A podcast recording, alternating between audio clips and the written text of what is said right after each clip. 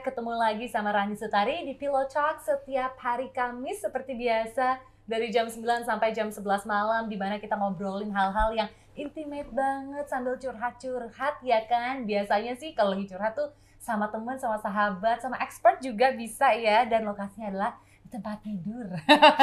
Dan malam hari ini Rani Setari tidak sendiri. Aku ngobrol di sebuah kamar yang luas sekali, cantik sekali di daerah Sudirman, lebih tepatnya di hotel di Orient Jakarta dan pastinya di Grand Deluxe roomnya yang kece banget. Bener gak Nadine? Betul banget, enak banget.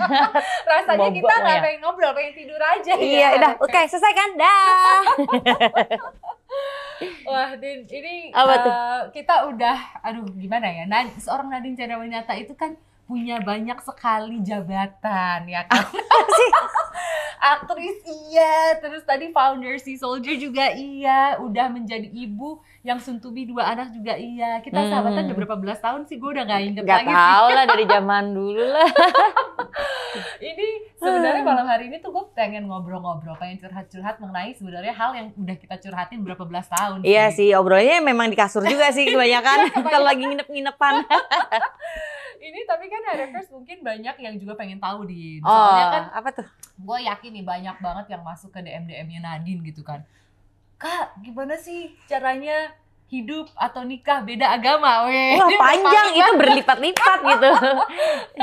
Tapi sebenarnya sebelum kita ke situ, eh, Nadine ini kan udah nikah sama Dimas selama lima tahun. Tahun ini Mm-mm. adalah tahun Tahun- pernikahan yang kelima. Gitu. Iya. Walaupun lupa kan ini. Tadi lupa kayak karena Dimasnya lagi di luar negeri kan jadi kayak oh ya udah nggak nggak nggak heboh biasa kan tiap ulang tahun iya, kan iya. oh heboh gitu ya udahlah Nah, ini nih Nadine sebelum akhirnya menikah atau ketemu Hmm. sama Dimas Anggara gitu ya. Tapi ya kita yang Harockers nggak tahu adalah sebenarnya perjalanan menuju itu ya Din ya. iya Gokil sih sebenarnya. Ya banyak banget tantangan, banyak banget lika-liku asmaranya ya kan dengan derai air mata.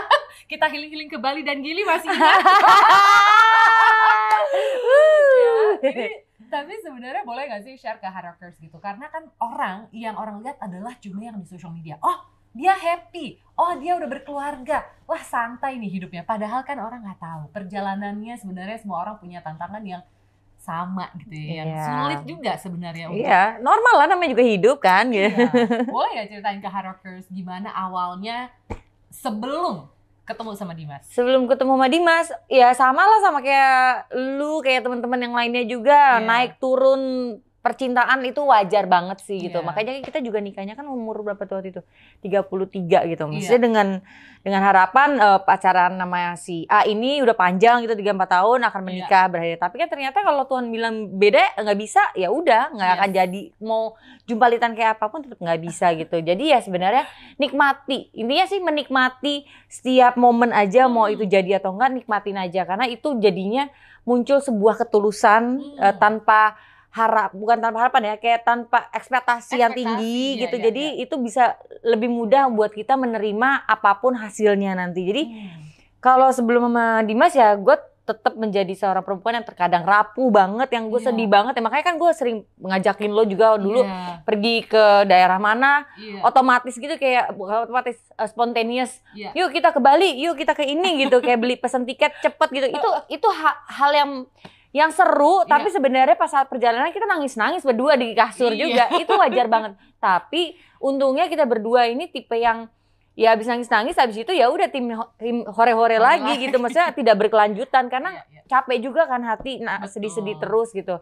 Jadi ya samalah seperti teman-teman eh ya sama seperti semua perempuan Iya. pernah berada di posisi titik paling rendah, paling tinggi eh terus eh gimana cara bangkit tanpa ada bantuan orang lain karena itu Betul. penting banget sih. Setuju. Kita jangan nungguin orang nolongin kita. Yang Iya. bisa nolongin diri kita adalah ya kita sendiri. sendiri, yang ya. bisa punya mindset baru ya kita sendiri. Itu yang gue pelajarin selama perjalanan hidup gue di percintaan, begitu Hmm. juga di pekerjaan gitu. Jadi pekerjaan kita pun juga harus cari pekerjaan yang kita mau. Jangan nunggu uh, orang nawarin kerjaan. Setuju. Kejar bolanya gitu. Kejar bola, Kejar ya. bola, jangan nunggu bola itu datang. Gak akan Iya, iya, datang. Yang ada keluar gawang terus kiri kanan gitu.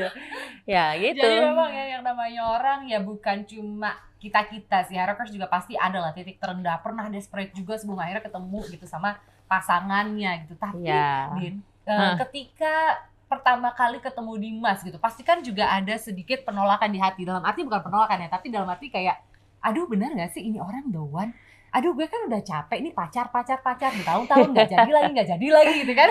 Jadi kan pengennya kalau udah yang terakhir pengennya untuk selamanya nih gimana caranya proses dari Dimas baru pertama kenalan gitu, apalagi Dimas lebih muda. Iya, itu itu agama. pertimbangan pertimbangan pertimbangan gua sih pada saat kenal sama Dimas, Iya. dia lebih muda. Hmm. Yang paling ditakutin adalah dia masih sedikit childish kan karena Iya. lebih muda. Ya belum tentu juga kita yang lebih tua nggak ber- bertingkah childish tuh ya belum tentu juga Belum gitu. tentu. Tapi kan itu sebenarnya eh, di bawah alam sadar kita itu yang terbentuk bahwa lebih muda lebih Childish, lebih lebih ya. kekanak-kanakan da- dalam menghadapi atau cari solusi sebuah permasalahan. Iya. Sedangkan kalau dalam rumah tangga kalau punya permasalahan harus di harus diselesaikan dengan dengan eh, eh, apa ya Kepala dengan dingin kepala gitu, dingin berdua gitu. gitu Nah, ya. itu yang sebenarnya ketakutan gua sih. Hmm. Tapi eh, dengan berkenalan kita mulai pacaran yang pacarannya kita maksudnya diajak pacaran pada saat eh kita proses cepet banget sih nih. Jadi Iya, mundur iya. deh.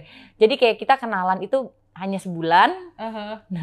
sebulan eh, abis itu langsung pacaran, dia ngajak pacarannya di acara Cold- eh, nonton Coldplay di Melbourne di ya. Melbourne. Eh, itu juga random kayak Iya, iya, iya. dia mau nonton Coldplay sama teman-temannya. Terus ah, apa gue juga maksudnya gue juga diajakin gitu Iya, ya sama sama teman-teman yang sama lain, teman-teman lain iya. apa gue berangkat juga ya gitu ya udah berangkat gitu mau ketemu di sana atau enggak ya itu urusan nanti gitu Iya. karena kan gue juga sebenarnya poinnya adalah mau menikmati Coldplay bersama teman-teman bukan Iya, ke sama si Dimas gitu iya. pas ketemu di sana dia ngajak pas lagu Amazing Day. Ditembak deh. langsung oh gitu terus ya akhirnya pacaran terus itu di bulan Desember terus di bulan eh November bulan apa ya Novemberan diajak dilamar Hmm. gitu eh pas September ya sama lu juga kan ada Maria nih sama gue di Bali Dimas nyuruh. Iya, "Nah, ada dia nih." caranya nih?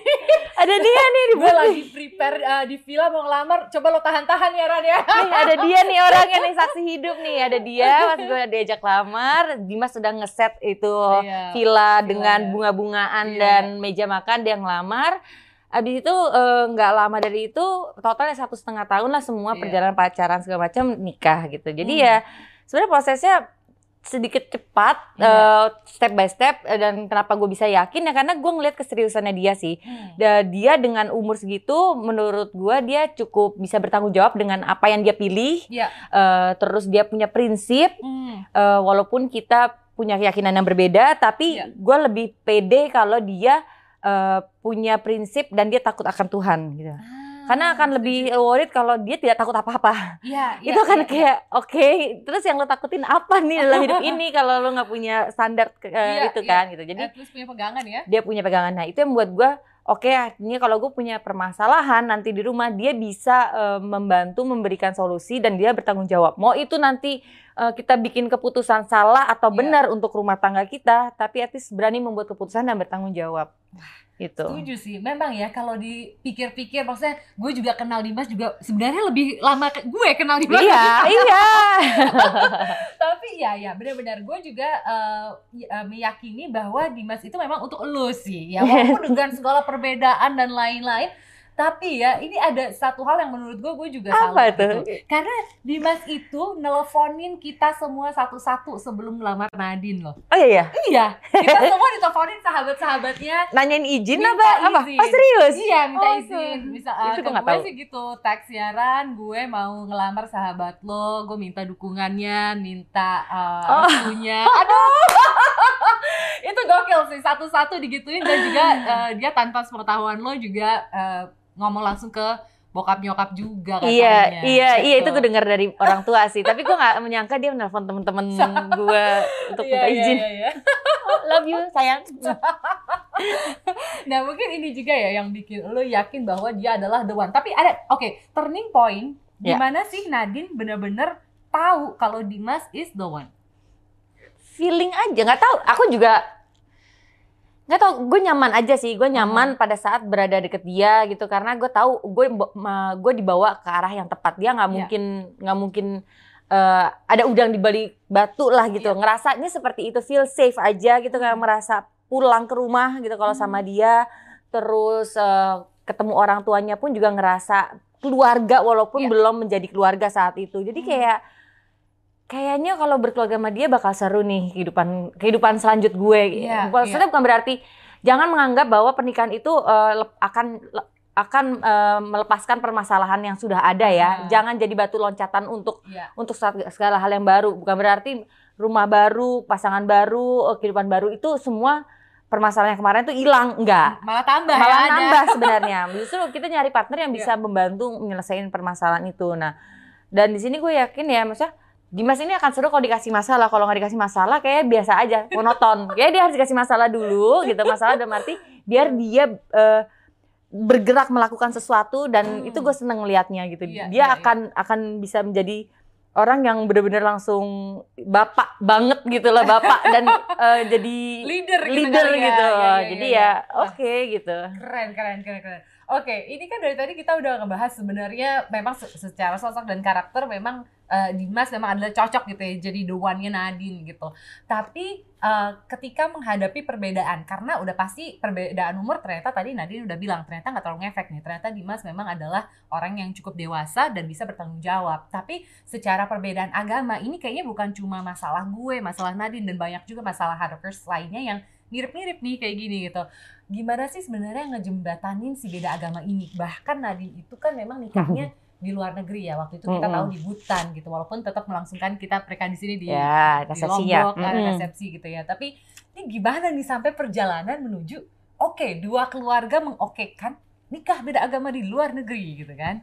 Mungkin karena kita punya prinsip eh, eh, prinsip masing-masing bahwa jangan em, menomorsatukan agama kita masing-masing karena semua agama itu indah semua agama itu pasti memberikan eh, energi yang baik gitu Iya. nggak mungkin kita diarahkan yang hal buruk hmm, agama karena keyakinan itu buat kita menjadi orang yang lebih baik lagi betul dan kita percaya bahwa eh, kita dalam kehidupan ini eh, seperti ya Pancasila gitu. Hmm. Pancasila berbeda-beda tetapi tetap satu juga gitu. Iya. Jadi kayak aku ah, aku Dimas itu salah satu eh, perwakilan salah satu dari sekian banyak eh, orang yang menghadapi namanya perbedaan agama, perbedaan plus perbedaan agama. iya Karena kan memang kita setiap orang berbeda, nggak ada yang Iya, sama setuju. berbeda itu sama seperti resetting saling mengisi kan sebenarnya gitu jadi Hmm.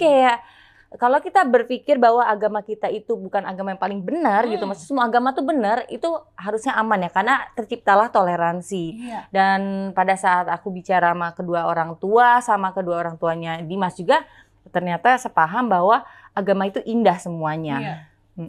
Wow, jadi sebenarnya ketika memutuskan untuk uh, nikah berbeda agama, pada soalnya kan padahal banyak nih di luar sana ya dunia yang kayak ya udah deh biar nggak ribut-ribut biar nggak ada masalah gue pindah aja deh ke agama lo gitu ya ini Ya. sebenarnya nggak pernah nggak Kalau kepikiran agama itu kan sebenarnya keyakinan Ke- buat diri kita betul. sendiri itu maksudnya kita, ingat ya dalam hidup ini walaupun kita hidup eh, udah berkeluarga tetap itu judulnya berpasangan sebelahan tidak akan saling bisa mengisi agama itu personal banget Mm-mm. jadi kalau saat dibilang oke gue mau, mau nikah sama lo eh, dan gue akan pindah agama lo jadi Iya. menikah eh, pindah agama demi demi menikah, Menikah. menurut gue kurang tepat kenapa karena agama tuh milik pribadi personal banget Oke. gitu Eh, dan agama itu yang nanti bisa menguatkan kita saat kita punya masalah sendiri gitu kayak Mm.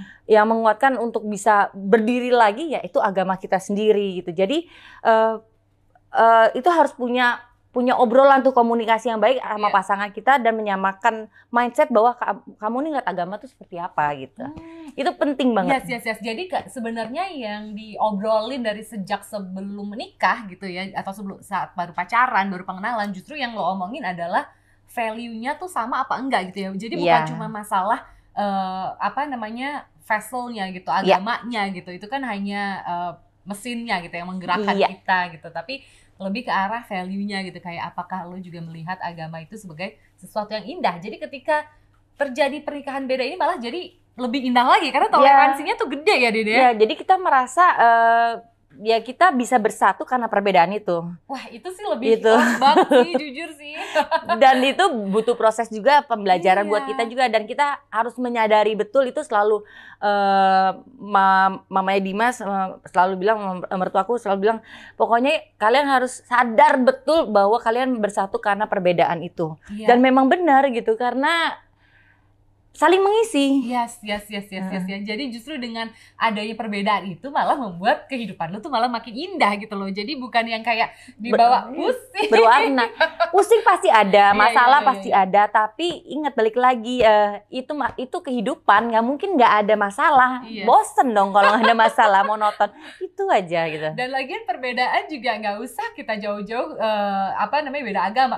Yang udah satu agama, satu pemikiran dan lain-lain aja pasti kita Iya. punya perbedaan cara pikir, terus juga sehari-hari juga eh, apa namanya melakukan kegiatan iya. sehari-hari berbeda juga udah Emang bener, timbul benar. masalah ya Din ya. betul betul. Tapi oke, kalau yang namanya eh, tadi kita udah ngomongin perbedaan agama lo dan Dimas ya atau antara dua keluarga. Tapi kan Nadine sama Dimas sudah menikah dan membentuk keluarga sendiri. Berarti kan lo udah punya anak, udah ada jiwa yang lu gemes banget sih jiwa. Sekarang ini sedang mengandung anak kedua. Nah, Nah. ini sebenarnya apa sih yang value-value yang lo ajarin ke anak-anak nantinya? Tentang perbedaan lagi. Tentang perbedaan Tentang lagi pasti ya? perbedaan bahwa jangan menganggap perbedaan itu menghambat apa yang kita mau dalam Hmm. arti kayak eh, kita nggak bisa gerak karena kita punya berteman dengan agama yang berbeda. Janganlah. Hmm. Ah, karena justru bisa saling belajar gitu. Iya. Kemudian beda pendapat gitu. Itu juga jangan bentrok karena perbedaan pendapat. Karena dalam keluarga pun pasti perbedaan perbedaan pendapat tuh sangat tinggi banget gitu. Yes, Nah, setuju. kalau mau belajar tentang perbedaan, keluarlah dari rumah. Lihat perbedaan itu tampak nyata di luar sana dengan perbedaan budaya, perbedaan suku, eh, suku, perbedaan bahasa, ya. itu di luar sana. Makanya seringlah traveling dan dari traveling aku pun gitu, gua aja tuh belajar tentang perbedaan Hmm. lewat traveling. Setuju Gitu kayak kita bertamu ke Iya. rumah orang gitu ya. Betul, betul, Dia betul. punya punya rules sendiri Punya, dalam rumah iya. walaupun itu rumah mungkin tidak sebesar di perkotaan gitu. Iya. Itu pun punya rules gitu kayak Iya. harus eh, permisi, harus panggil Hmm. gitu.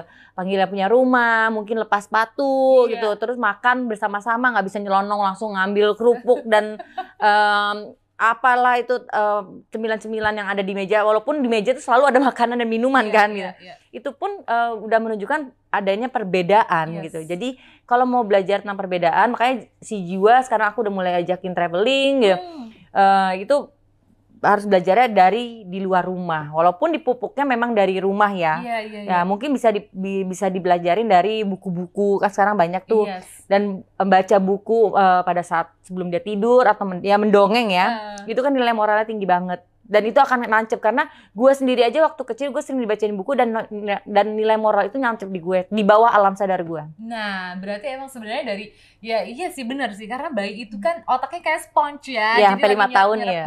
Jadi mendingan diajarin dari kecil bahwa ya memang perbedaan itu ya indah gitu kan. Mm. Tapi Din, sebenarnya ada bedanya nggak sih sebelum sama setelah lo menikah? Nah, ini nih, ini biasanya kayaknya banyak nih yang lagi ngalamin kayak lo gini. Banyak sih sebenarnya perbedaannya ya mungkin karena gue udah puas gitu ya eh, Hmm. mengeksplor eh, eh, apa yang gue ingin explore tuh traveling terus Iya. dengan gue banyak em, banyak eh, perjalanan hidupnya ya naik Iya. turun lah itu mungkin membuat gue menjadi lebih lebih mengenal diri gue sendiri. Apa sih kelebihan gue apa sih Iya. kekurangan gue apa yang gue nggak bisa? Apa yang gue bisa gitu. Jadi itu yang membuat gue juga gue memperjuangkan apa yang mau gue lakuin. Seperti salah satunya di Sea Soldier. Hmm. kemudian gue ingin berkolaborasi dengan banyak orang gitu. Gue pengen buat event gue pengen bicara tentang macem-macem gitu. Hmm. itu membuat gue menjadi eh, mandiri yang memperjuangkan apa yang gue mau. Tapi Iya. gue tidak menghilangkan eh, peran gue sebagai ibu dan sebagai istri gitu Nah ini nih soalnya kan banyak orang yang setelah menikah karena udah terlalu fokus gitu Ya. ya ngurus anak, ngurus, eh, ngurus suami gitu, ngurus rumah, akhirnya jadi lupa sama goals eh, pribadi Pribadinya, atau secara individu iya. jadi kehilangan dirinya sendiri. Ya, jadi sebelum menikah tuh sebenarnya karena kita harus mengerti dulu tentang diri kita sendiri sebelum menjadi dua jadi satu gitu. Iya. Setelah uh, udah mengerti, udah tahu apa yang yang kita perjuang apa kekurangan kelebihan kita, pada saat menjadi uh, dua jadi satu setelah menikah itu artinya kita bisa menahan ego kita lebih. Hmm. Terus kita tahu yang mana harus diprioritaskan gitu, yang mana yang harus diperjuangkan Hmm. karena udah punya bekal kita berkenalan sama diri kita sendiri. Terkadang kan tidak ma kita tidak mau eh, atau berpura-pura tidak berpura-pura tidak tahu gitu. Ah. Eh, sebenarnya ini tidak boleh dilakukan tapi kita lakuin aja gitu. Karena mungkin udah kebiasaan. Karena udah, udah iya kan? Udah kayak, kebiasaan. ya udahlah ya gitu kan. Iya, nah itu mungkin ya kita harus bisa menerima itu sebenarnya Hmm. sebelum menikah bahwa ya kita berdamai sama diri kita. Kalau kita punya kesedihan yang yang cukup tinggi, ya terima aja kesedihan itu mau nangis, mau Iya. mau mau eh, sedih-sedih nggak apa-apa, tapi jangan berlama-lama ria.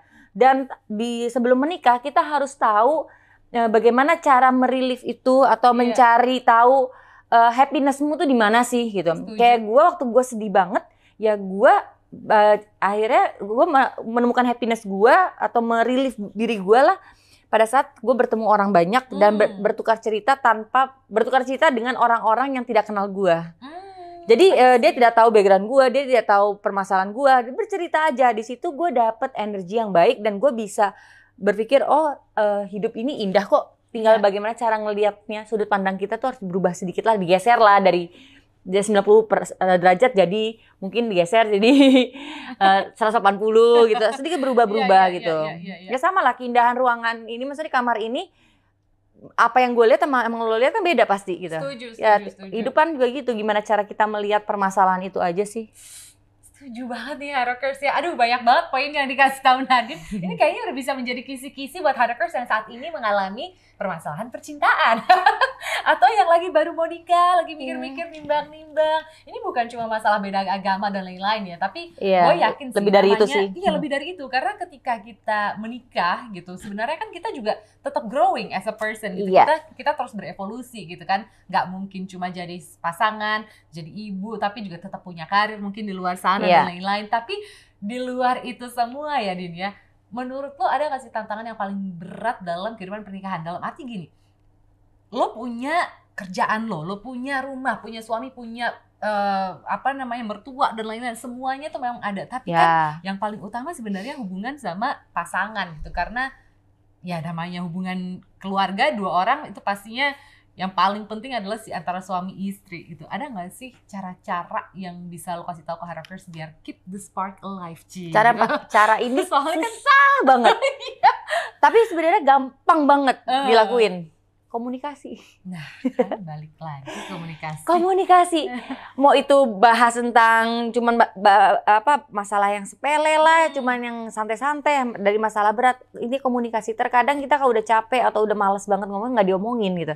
Komunikasi jujur gue sama Dimas terkadang juga kalau udah mulai lelah ya kita nggak ngobrol gitu. Iya, nggak apa-apa dalam satu kamar tapi nggak ngobrol ya itu sebenarnya hal yang sangat biasa sih iya, gitu iya. tapi sebisa mungkin dikomunikasiin gitu. Hmm. dan sebelum tidur kalau ada permasalahan diselesaikan. Jangan dibawa tidur. Kenapa? Hmm. numpuk numpuk numpuk kayak persampahan numpuk numpuk tinggi tuh kayak benar kembang kan jangan jangan dia di permasalahan. Dan komunikasi ini susah gampang kan? Betul. ngomongnya gampang nih komunikasi. Tapi pada saat udah berhubungan sama seorang yang kita sayang ngomong ngomong permasalahan tuh susah banget komunikasi. Iya, karena kadang-kadang nanti nyampainya malah salah. Sebenarnya pengen cuma ngobrolin eh, apa namanya perasaan kita, eh jadi emosian, nanti Iya. ontok-ontokan.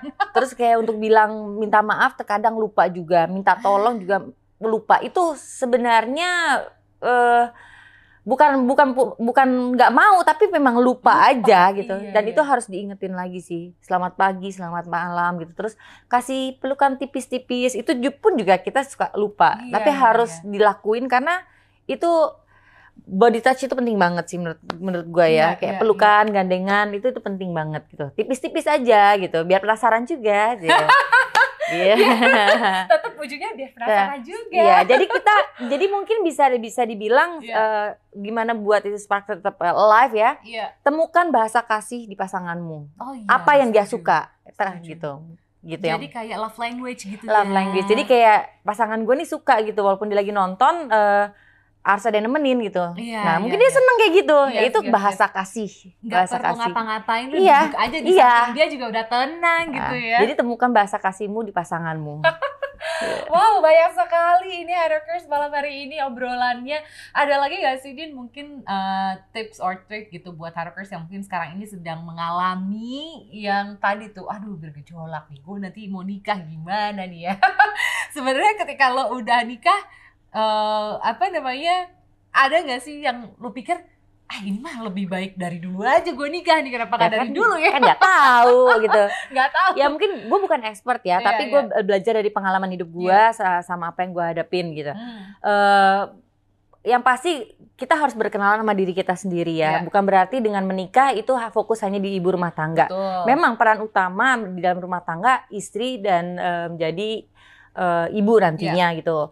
Tapi ingat kita punya kehidupan sendiri, eh, kita yang bisa eh, mendamaikan hati kita sendiri, terus kita kejar apa yang kita mau karena hidup hidup itu kita yang menentukan. Hmm. Tiap pagi kita bercermin eh, dan coba deh bilang sama cermin eh, pada diri kita sendiri bahwa gua hari ini mau ini ini ini ini, ini gitu. Hmm. Eh, kira-kira yang bisa dikerjain yang mana dilakukan gitu. Jangan jangan terpatok bahwa eh, menjadi seorang eh, ibu atau udah ber- udah berkeluarga eh, itu fokus di keluarga. Keluarga prioritas itu benar banget. Iya. Itu harus pertama kali. Tapi ingat kita punya keinginan yang ingin kita capai kejar karena waktu itu tidak akan menunggu kita. Yes. Kita yang harus isi waktu kita. Wah, Ush, itu penting banget sih. Good night. Nadine ya sebentar lagi mungkin menambah jadi expert rumah tangga. Tapi seru banget Harakers, sumpah ya. Gue juga setuju banget sih sama Nadine karena mau apa pun Ah, profesi satu lo, lagi, satu lagi. boleh nambah. Satu lagi, terkadang kan orang berpikir bahwa eh, menjadi seorang istri itu Heeh. tidak boleh bekerja ya, Heeh. gitu. Kayak gua bi- berpikir kenapa apa salahnya kalau kita bisa menambah penghasilan untuk dalam rumah tangga. Iya. Kita nggak ada yang tahu kalau suami tiba-tiba eh, lagi berhalangan bekerja gitu, Iya. kita bisa membantu itu. Walaupun mungkin nggak banyak, tapi Iya. at least dengan bekerja kita pun sebagai perempuan kita merasa Berdaya, ya. berdaya, iya. kita merasa bisa membantu gitu. Kita bisa juga eh, me- apa ya? me- membu- Mengeluarkan, mengeluarkan- isi pikiran ya. melukai si pikiran karena bertemu orang Iya, atau apa pun itu. Jadi eh, intinya balik lagi eh, sama seperti ya kehidupan apa yang kita ingin lakukan yaitu hidup seimbang. Jadi Yes. eh, lakukan peran masing-masing sebagai bapak, sebagai ibu, tapi ingat eh, bagaimana kak bahasa kasih itu penting di dalam menjaga keharmonisan rumah tangga. Asik. Sejak Good night deh. Jangan lupa aktualisasi diri juga penting. Jadi tetaplah kamu berevolusi sebagai pribadi. Selain Iya. kamu juga sudah ada di sebuah institusi pernikahan gitu ya, Den ya? Iya, Wah, betul gokil. betul. Udahlah, Harakers kita tidur dulu ya. Ya udah deh. Terima kasih banget buat Harakers yang udah dengerin. Pastinya juga terima kasih banyak tuh di Orient Hotel Jakarta yang sudah meminjamkan kamarnya yang keren banget ya, ya, Iya, di Grand bagus banget. Room. Keren, keren. Kita mau tidur dulu deh Harakers habis pilot talk curhat-curhat enak nih kayak tidur buat Harakers yang mungkin ketinggalan episode kali ini nggak apa-apa masih bisa dengerin nanti di Spotify MRA Media Ruang Siar Juara ya. Dan juga nanti akan hadir versi visualnya di YouTube channelnya Hard Rock FM. So, have a heart rocking night and see you again at Pillow Talks with Rani Sutari next week. Bye-bye! Good night.